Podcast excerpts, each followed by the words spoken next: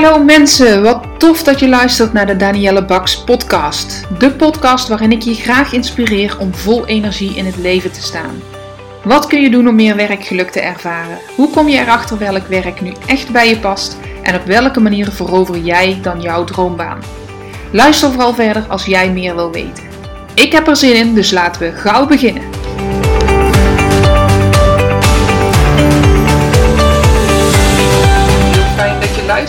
Welkom. Vandaag een podcastaflevering over een vraag, een thema wat ik regelmatig bespreek de laatste weken in het ontwikkeladviestraject, wat vanuit de overheid beschikbaar wordt gesteld. En ik dacht, laat ik daar een podcast over opnemen, want die vraag komt heel regelmatig terug. Namelijk, ja, ik wil wel ondernemer worden en daar zitten wel mooie kanten aan, maar ik ga het toch maar niet doen, want. En dan komen er allerlei overtuigingen. En over die overtuigingen wil ik het vandaag met je hebben. Maar laat ik eerst eens vertellen wat het ontwikkeladviestraject inhoudt. De overheid had al voordat uh, corona Nederland veroverde, om het zo maar even te zeggen, had de overheid bedacht: we gaan een project doen, NL leert door, om de Nederlandse bevolking te stimuleren en te ondersteunen om te blijven leren in hun werk, zodat je langdurig inzetbaar bent, zodat je tot je pensioen op een prettige manier kan, uh, kan werken. Toen kwam het virus, die uh, toch wel het een en ander heel erg op zijn kop heeft gezet, waardoor ook veel mensen hun baan zijn verloren, maar ook heel veel mensen heel anders in hun werk moeten staan. Omdat ze thuis moeten werken of omdat je met meer werkdruk te maken krijgt, omdat je je collega's minder ziet of noem maar op. Er zijn uh, heel veel redenen en heel veel veranderingen waarom dat mensen kunnen na willen denken over hun loopbaan. De overheid heeft dat signaal opgepikt en vanaf 1 augustus was het mogelijk om ontwikkeladvies aan te vragen bij een loopbaancoach. Om dan in, uh, bij mij in drie gesprekken van anderhalf uur aan de slag te gaan met de vraag die jij hebt over jouw loopbaan. Um, in die eerste maand zijn er 25, nee, sorry, ik verzeg het verkeerd, 22.000 trajecten aangevraagd. Binnen die eerste maand. Dus al het budget was meteen op. Daarmee heb ik uh, um, 34 mensen heel gelukkig kunnen maken, want die zaten erbij. Maar heb ik ook een heel aantal mensen teleur moeten stellen. En het mooie nieuws is dan ook dat vorige week bekend is gemaakt dat vanaf 1 december er weer 50.000 trajecten beschikbaar worden gesteld. Dus ben jij iemand die niet helemaal op zijn plek zit op zijn werk? Wil jij daarmee aan de slag in gesprek met een loopbaancoach? Dan kun je op de website van de NOLOC, N-O-L-O-C, uh, kijken welke loopbaancoach bij jou in de buurt dat aanbiedt, dus die ontwikkelgesprekken aanbiedt. Of je komt natuurlijk naar mij, je stuurt mij even een mailtje info.daniellebaks.nl en Baks is met een X. En dan neem ik contact met je op om afspraken te plannen en om wat gegevens door te nemen die ik nodig heb om de subsidie aan te kunnen vragen. En je hoort het goed, de subsidie hoef je zelf niet aan te vragen. Dat doe ik voor je. Dat kun jij zelfs niet, maar dat is om de drempel te verlagen, zodat jij echt alleen maar gegevens aan hoeft te leveren de gesprekken voert. En dan uh, kun je ermee aan de slag. Ik maak een gespreksverslag, ik maak een ontwikkelplan voor je. En daarmee ga jij weer verder. Um, nou ja, dat is dat wat betreft het ontwikkeladvies. En ik heb nu uh, ja, toch al een heel aantal gesprekken afgerond. En moeten er nog een paar opstarten. Maar als ik al die gesprekken, al die mensen, al de vragen die ik heb gekregen naast elkaar leg, dan is er zijn er een aantal dingen wel heel erg duidelijk. En daar wil ik een aantal podcasts over opnemen. En deze podcast van vandaag gaat over het ondernemerschap. Tijdens het ontwikkeladvies vul je ook een arbeidsmarktscan in. En een van de thema's wat je, wat je daarin naar voren krijgt is het ondernemerschap. Heb je affiniteit met het ondernemerschap? Eh, heb je mensen in je omgeving die ondernemer zijn, waarvan je een beeld hebt hoe dat in elkaar zit? Heb je ben je risicobereid? Dus ben je bereid om risico's te nemen op iets wat toch wel in meer of mindere mate bij het ondernemerschap hoort? En zo zijn er nog een aantal thema's. En het opvallende is wanneer ik dat met mensen bespreek, dat er of affiniteit is met het ondernemerschap, maar dat ze nog niet zo goed durven, of dat er geen affiniteit is met het ondernemerschap en dat ze het misschien toch wel zouden willen. Er liggen een hele hoop beperkende overtuigingen en ook verkeerde overtuigingen in mijn ogen ehm, bij het zijn van ondernemer, bij het, ehm, ja, het, het opzetten van je eigen bedrijf. En dat vind ik zonde, want zoals je weet, ik ben zelf uh, volledig zelfstandig ondernemer. Ik ben loopbaancoach en ja, ik vind het echt het meest mooie wat ik heb gedaan. Ik heb hele leuke banen in loondienst gehad, ehm, maar daar zaten ook altijd wel nadelen aan.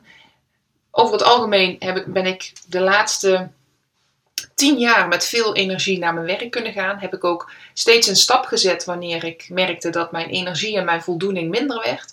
Maar het ondernemerschap, jongens, ik ben vanaf eh, februari van dit jaar 100% ondernemer.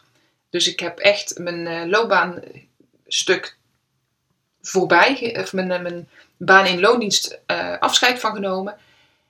En sinds die tijd heb ik niet meer het gevoel dat ik aan het werk ben. Ik werk meer uur in de week, omdat ik ook vaker s'avonds iets doe of in het weekend zelfs als daar ruimte voor is. Maar ik heb absoluut niet het gevoel dat ik gestrest ben zoals ik wel eens kon zijn als ik, toen ik in loondienst werkte. Dus ik gun het iedereen en het gaat me echt aan het hart wanneer ik in een gesprek zit en ik ben die arbeidsmarktscan met iemand aan het doornemen en we komen bij het, we komen bij het hoofdstukje ondernemerschap, dan denk ik, oh, wat je nu zegt, het is zo jammer dat je dat beeld hebt.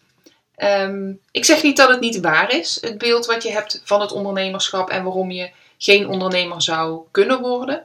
Maar ik vraag je wel om erover na te denken en om te checken bij jezelf, kloppen de overtuigingen die ik heb? Laat ik eens een paar voorbeelden noemen. Ik heb een uh, gesprek gehad met een uh, meid van, ze was eind 20.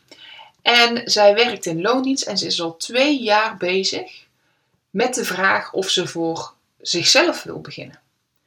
En af en toe dan laait het op. En dat komt omdat ze het dan op haar werk uh, onvoldoende wordt uitgedaagd en eigenlijk alles op de automatische piloot doet dan laait dat vuurtje weer op van nou, ik wil ondernemen. En uh, niet zozeer om het ondernemen, maar vooral om wat ze dan wil doen als ondernemer. Ze, uh, ze is fotograaf. Maar direct daarna komen ook weer haar beperkende overtuigingen. Van ben ik wel goed genoeg? Zitten mensen wel op mij te wachten? Ik, ik zal collega's missen, want ik spar heel graag met collega's. Ik wil verder leren. Is het niet heel eenzaam? Hoe kom ik aan klanten? Vinden klanten mij wel oké? En die overtuigingen hoor ik bij heel veel mensen. Ook de praktische kant, daar maakten ze zich ook wel zorgen om. Hoe doe ik dat dan? Hoe zorg ik dat ik een bedrijf krijg? Wat zijn de, de, de rechten en de plichten? Waar moet ik allemaal aan denken? Dus echt de praktische kant. Ook dat houdt haar tegen al twee jaar lang om vol voor haar, voor haar ja, haar doel te gaan, waar ze het meest blij van wordt. Want dat is wat ze voelt van binnen. En dat, daar is ze in, de, in het ontwikkeladvies ook wel echt achter gekomen. Dit is wat ik moet gaan onderzoeken. Daarnaast een andere dame die ik heb gesproken, ietsjes ouder, in de 40. En zij uh, zat momenteel zonder werk en ja, haar hart schreeuwde aan alle kanten dat ze ondernemer wilde worden. Ze wilde een coach worden, heel specifiek voor ook een doelgroep die die zeker op haar zitten wachten. En bij haar kwamen ook vragen naar boven over dat ondernemerschap. Want ja, de financiële zekerheid. Ik kan beter een baan in loondienst hebben, dan heb ik meer zekerheid. Ehm, wat, wat bedacht ze zich nog meer? Is nu de tijd van corona wel een goede tijd om hiermee te beginnen? Ik kan toch niet op de zak van mijn partner leven? Um, ik ben ook weer de overtuiging, ik ben eenzaam als ik als ondernemer aan de slag ga. Misschien moet ik het samen met iemand doen. Heel veel vragen, beren op de weg, die jou tegenhouden om voor jouw doel te gaan. En misschien herken je dat wel. Ik zelf heb natuurlijk ook een ondernemersverhaal. Um, op mijn achttiende zag ik dat mijn tante ondernemer werd. Zij ehm, ging honden trimmen. Dus ehm, niet trimmen van het rennen of het, africhten, maar uh, een kapper voor honden. Deed dat aan huis, was thuis voor de kinderen. En ik dacht, ja, dat wil ik ook. Hoe tof is het dat je iets kan doen wat je leuk vindt, dat je thuis bent voor de kinderen en toch lekker kan werken. Dat is altijd wel mijn voorbeeld geweest, niet zozeer in precies datgene wat zij deed. Al heb ik daar wel de eerste jaren mee gelopen dat ik dat ook zou willen, want ik ben gek van honden. Maar dat, is me, dat idee van het ondernemerschap is me wel altijd blijven volgen. En vooral om zelf mijn agenda in te kunnen delen en om thuis te zijn wanneer ik dat belangrijk zou vinden voor mijn kinderen. Ik heb in mijn leven een um, aantal momenten gehad dat ik dacht, nou, nou ga ik hierin voor mezelf beginnen. Dat begon toen ik werkte in de kinderopvang en lastig een vaste baan kon vinden. Het was allemaal invalkrachtwerk. En samen met een, uh, een collega slash vriendin hebben, zijn we best wel ver geweest om plannen te maken voor een, uh, een eigen kinderopvang. Ik was toen 21 jaar, denk ik. Als ik dat al haalde. Dus ik was nog hartstikke jong. Volgens mij was ik zelfs pas 20. Maar we waren best wel ver. We zijn dingen gaan uitzoeken. We hadden zelfs uh, iemand die ons financieel wilde helpen. En uiteindelijk vond ik toch op het nippertje nog een baan uh, fulltime op een eigen groep, een vast contract. En toen is, hebben we dat losgelaten omdat we toch wel een risico vonden. En mijn uh, vriendin slash collega kon ook bij diezelfde werkgever terecht. Dus het idee van een eigen onderneming ging weer even op de lange baan. Nog een aantal keren gespeeld met dat idee om, uh, om in de kinder, een eigen kinderopvangcentrum te beginnen, maar grotere spelers hielden mij tegen. Ook een belemmerende overtuiging als ik daar nu op terugdenk. Even een, een, een fast forward naar een aantal jaren later ik dacht dan over na om misschien gastouder te worden. Ik dacht dan heb ik niet uh, de kosten van personeel en van een groot pand. Kan ik dat gewoon in, in mijn huis doen? Maar uh, ook dat hield mij weer tegen. Ik heb nooit doorgepakt. Tot het moment dat ik, ik was net uh, bevallen van Lois, onze tweede. Ik was de eerste week weer aan het werk na mijn zwangerschapsverlof. En ik voelde, dit wil ik niet meer. Ik wil bij mijn kinderen kunnen zijn. En ik kreeg bericht, of ik kreeg bezoek van een uh, vriendinnetje van Fenne van de kinderopvang en haar moeder. En haar moeder was ook onderneemster. En zij heeft toen iets in mij losgemaakt, mij een inzicht gegeven van ik ga het gewoon eens proberen. Ik ga alvast beginnen. En ik ben niet meteen naar, het, uh, naar de KVK gerend om me in te schrijven, maar ik ben begonnen met een social media account waar ik ging kijken, goh, waar zitten mensen nu op te wachten? Eigenlijk achteraf gezien heb ik dus marktonderzoek gedaan.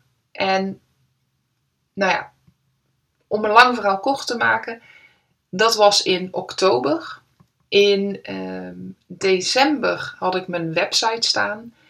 In maart had ik me ingeschreven bij de KVK, want ik had al een aantal dingetjes gedaan, maar dat was allemaal zwart.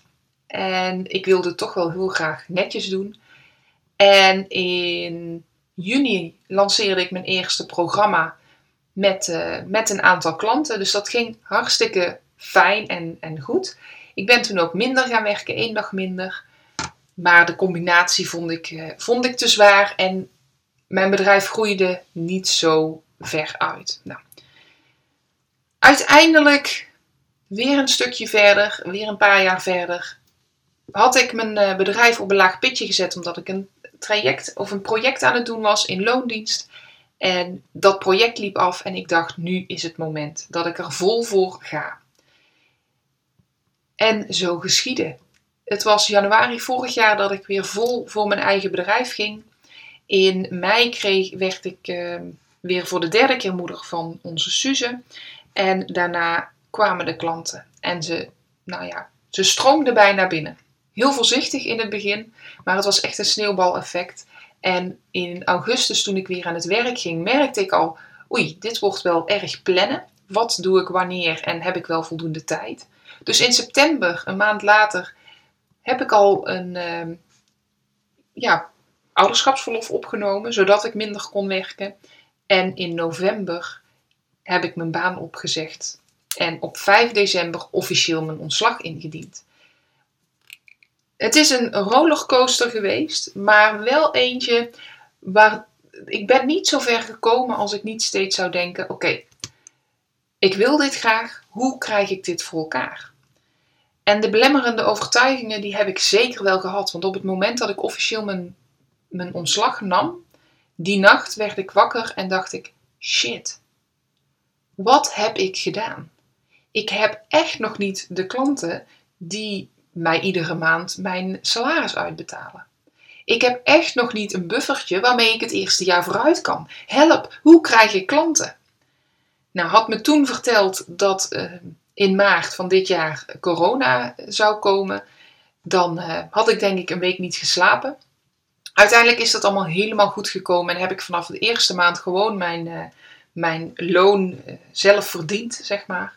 Dus ik mag echt niet klagen. Zo is het niet voor iedereen, dat weet ik ook. Maar wat mij steeds geholpen heeft, is om mijn angsten, mijn beren op de weg, om die, om die daarmee het gevecht aan te gaan. En het gevecht, dat klinkt een beetje, dat bedoel ik niet zo uh, zwaar als het klinkt. Maar ik heb wel steeds de beren uitgedaagd, zo moet ik het zeggen. De beren op de weg heb ik uitgedaagd van kloppen, klopt het wel wat ik nu denk? is deze overtuiging juist? Of wat heb ik nodig om, uh, om oplossingen en mogelijkheden te blijven zien? Voor mij is het heel belangrijk geweest om informatie te zoeken, aan de ene kant. Dus als ik iets niet wist of als ik ergens over twijfelde, dan dacht ik: oké, wat aan informatie heb ik nu nodig, zodat ik weer zeker in mijn vel zit, zodat ik deze beer op mijn weg uh, verjaag. Dus informatie zoeken is echt mijn nummer één tip. Heb jij ideeën, heb je plannen, ga informatie zoeken zodat je wijzer wordt. En zodra je wijzer bent, kun je ook makkelijker een beslissing nemen. Maar wanneer het je ontbreekt aan informatie, dan zul je blijven twijfelen en dan zal je eh, geen keuze kunnen maken omdat het plaatje voor jou nog niet compleet is. Dus zoek informatie, waar het ook over gaat. Ga uh, googlen, ga naar de Kamer van Koophandel, vraag het. Uh, op de website van de KVK staat ook heel veel informatie over het beginnen van je bedrijf. Het zijn vooral praktische zaken. Als je meer de persoonlijke verhalen wil horen, bel een ondernemer. Um, vraag het aan collega-ondernemers. Dus kijk wie jouw antwoord wellicht heeft. En ga ook af op verschillende verhalen. Dus niet over één verhaal, maar ja, zorg dat je plaatje zo compleet mogelijk is zodat je niet voor verrassingen komt te staan. En zodra het plaatje completer en completer en completer is, weet jij ook beter wat je nodig hebt en of je het wel of niet wil doen. Het tweede wat ook heel erg behulpzaam was en wat mij echt heel erg geholpen heeft en heel waardevol is, dat is het zoeken van gelijkgestemden. En dan bedoel ik niet alleen maar mensen die ook aan het twijfelen zijn of ze ondernemer willen worden of niet, of ze die stap willen zetten, of ze hun baan op willen zeggen. Nee, ik bedoel ook mensen die verder zijn dan ik in het ondernemerschap. Ik werk met een methodiek en uh, die methodiek wordt door meer mensen gebruikt, dus dat zijn allemaal collega's. En bij hen heb ik echt verschillende keren gevraagd van, goh, denk eens met me mee, hoe zou ik dit kunnen doen, hoe zou ik dat kunnen doen. Dus ook daar, zij, zij diende als een stukje informatie, maar zij diende ook als support. De grootste fout die ik heb gemaakt, en een fout wil ik, daar ben ik normaal niet zo van om dat te zeggen, maar het heeft me wel uh, tegengehouden en het heeft me doen twijfelen aan mijn eigen kunnen, is om te sparren met vriendinnen en met mijn partner en met uh, mijn schoonouders. Niet omdat zij niet het beste met me voor hebben en omdat zij geen waardevolle dingen zeiden, maar het zijn niet direct ondernemers. En zij, um, zij hebben eh, wat dat betreft wel verstand van, van zaken. Zij kunnen vanuit hun eigen perspectief dingen um, met mij delen. Maar ik had er niet zoveel aan. Zij staan te dicht bij me en zij projecteren ook hun angsten die ze voor mij hebben of die zij zouden hebben op mij. Zo werd er tegen mij gezegd: Oh, je moet zorgen dat je door de verzekering vergoed wordt. En uh, je moet dit en je moet dat allemaal adviezen die niet direct bij mij pasten, waardoor ik heel erg ging twijfelen aan: doe ik het wel goed? En dat hield me tegen. Mijn energie ging omlaag, ik vond het niet meer zo leuk. Ja, dat helpt niet. Dus zoek mensen om je heen die jou verder kunnen helpen. verder kunnen helpen met jouw vragen, maar zeker ook verder kunnen helpen door ehm, of objectief naar je verhaal te luisteren, door je te supporten. En een heel mooi voorbeeld daarvan, ik vergeet het nooit meer, was het moment dat mijn man tegen mij had gezegd: Zou je je baan niet eens opzeggen en ga er toch gewoon voor? En dat bij mij de twijfel toesloeg: van ja, zal ik dat wel doen? En op dat moment had ik een mastermind call met, uh, met die collega's die ook met dezelfde methodiek werken. Een strategie-sessie met ook de bedenkster van de methodiek. En zij, uh, ja, daarin kan ik me, kon ik me vragen stellen. En normaal was ik altijd wat afwachtend. Had ik zoiets van, nou, ik heb niet direct vragen, gaan anderen maar voor. En nu zei ze, hoe kan ik jullie helpen? Ja, ik, zei ik. En ze, ze leken een beetje verrast door mijn, uh, mijn directe houding. Ehm, ik zeg, nou, dit is er aan de hand. Mijn man zegt, ga je baan opzeggen. En bij mij slaat de twijfel toe. Moet ik dit doen? Uh, help me even om een keuze te maken. En ik geloof dat we nog geen vijf minuten hebben gesproken en dat het voor mij al heel duidelijk was. Dit is echt wat ik wil, alleen ben ik doodsbang. Gaat het wel goed komen en wordt het wel een succes? Nou, daar hebben we het over gehad. Ze hebben mij moed ingesproken. Ze hebben me wat tips gegeven. Ze hebben aangeboden om altijd voor me klaar te staan als ik vragen had. En ik dacht, yes, ik ga dit doen. Ik, er, er veranderde iets in mijn mindset. Er veranderde iets in mijn gevoel. Ik ging van angst naar enthousiasme en naar uh, gezonde spanning.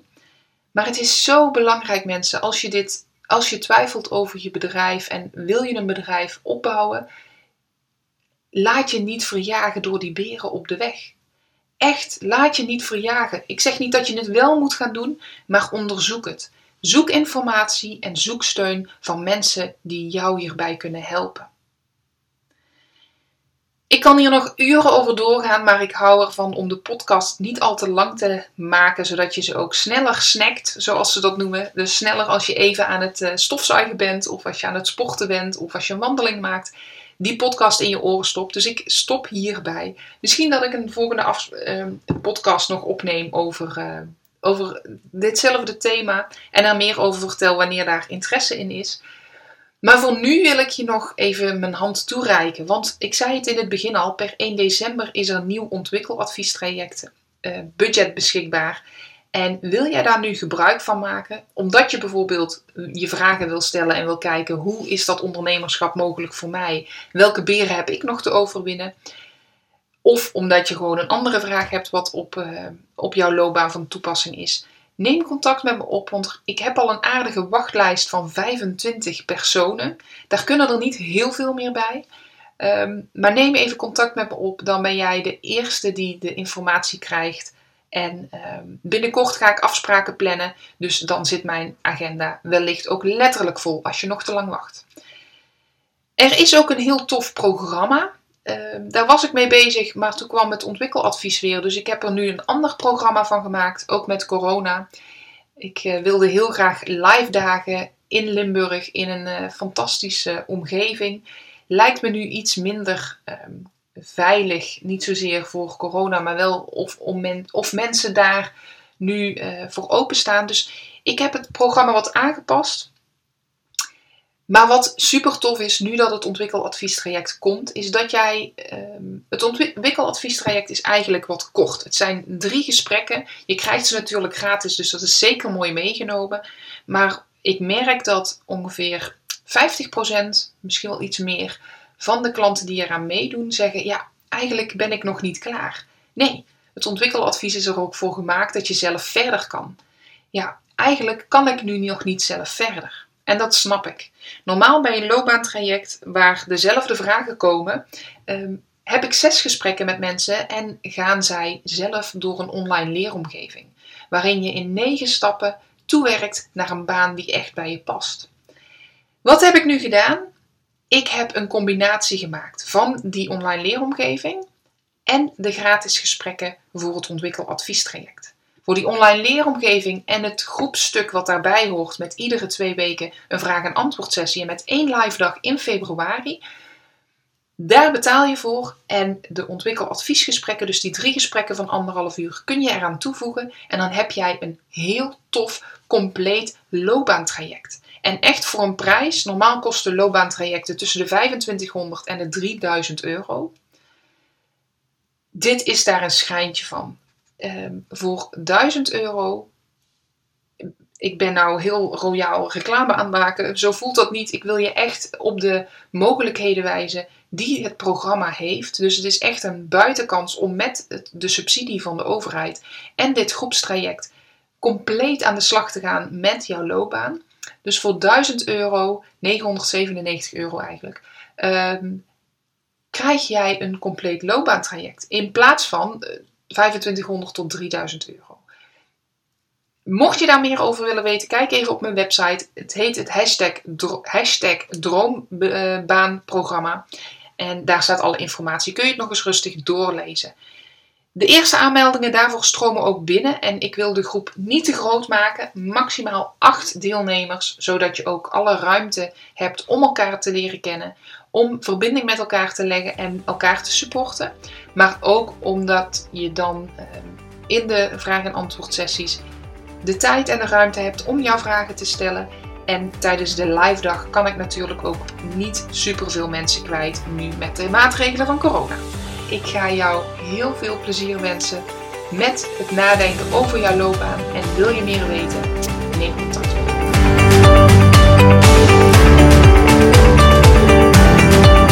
Mensen, dankjewel voor het luisteren naar mijn podcast. Mocht je deze aflevering interessant hebben gevonden, maak dan even een screenshot en tag me op Instagram Stories. Ik vind het ontzettend leuk om te zien wie er luistert en door te delen inspireer jij ook anderen. Hartstikke bedankt alvast en tot de volgende keer.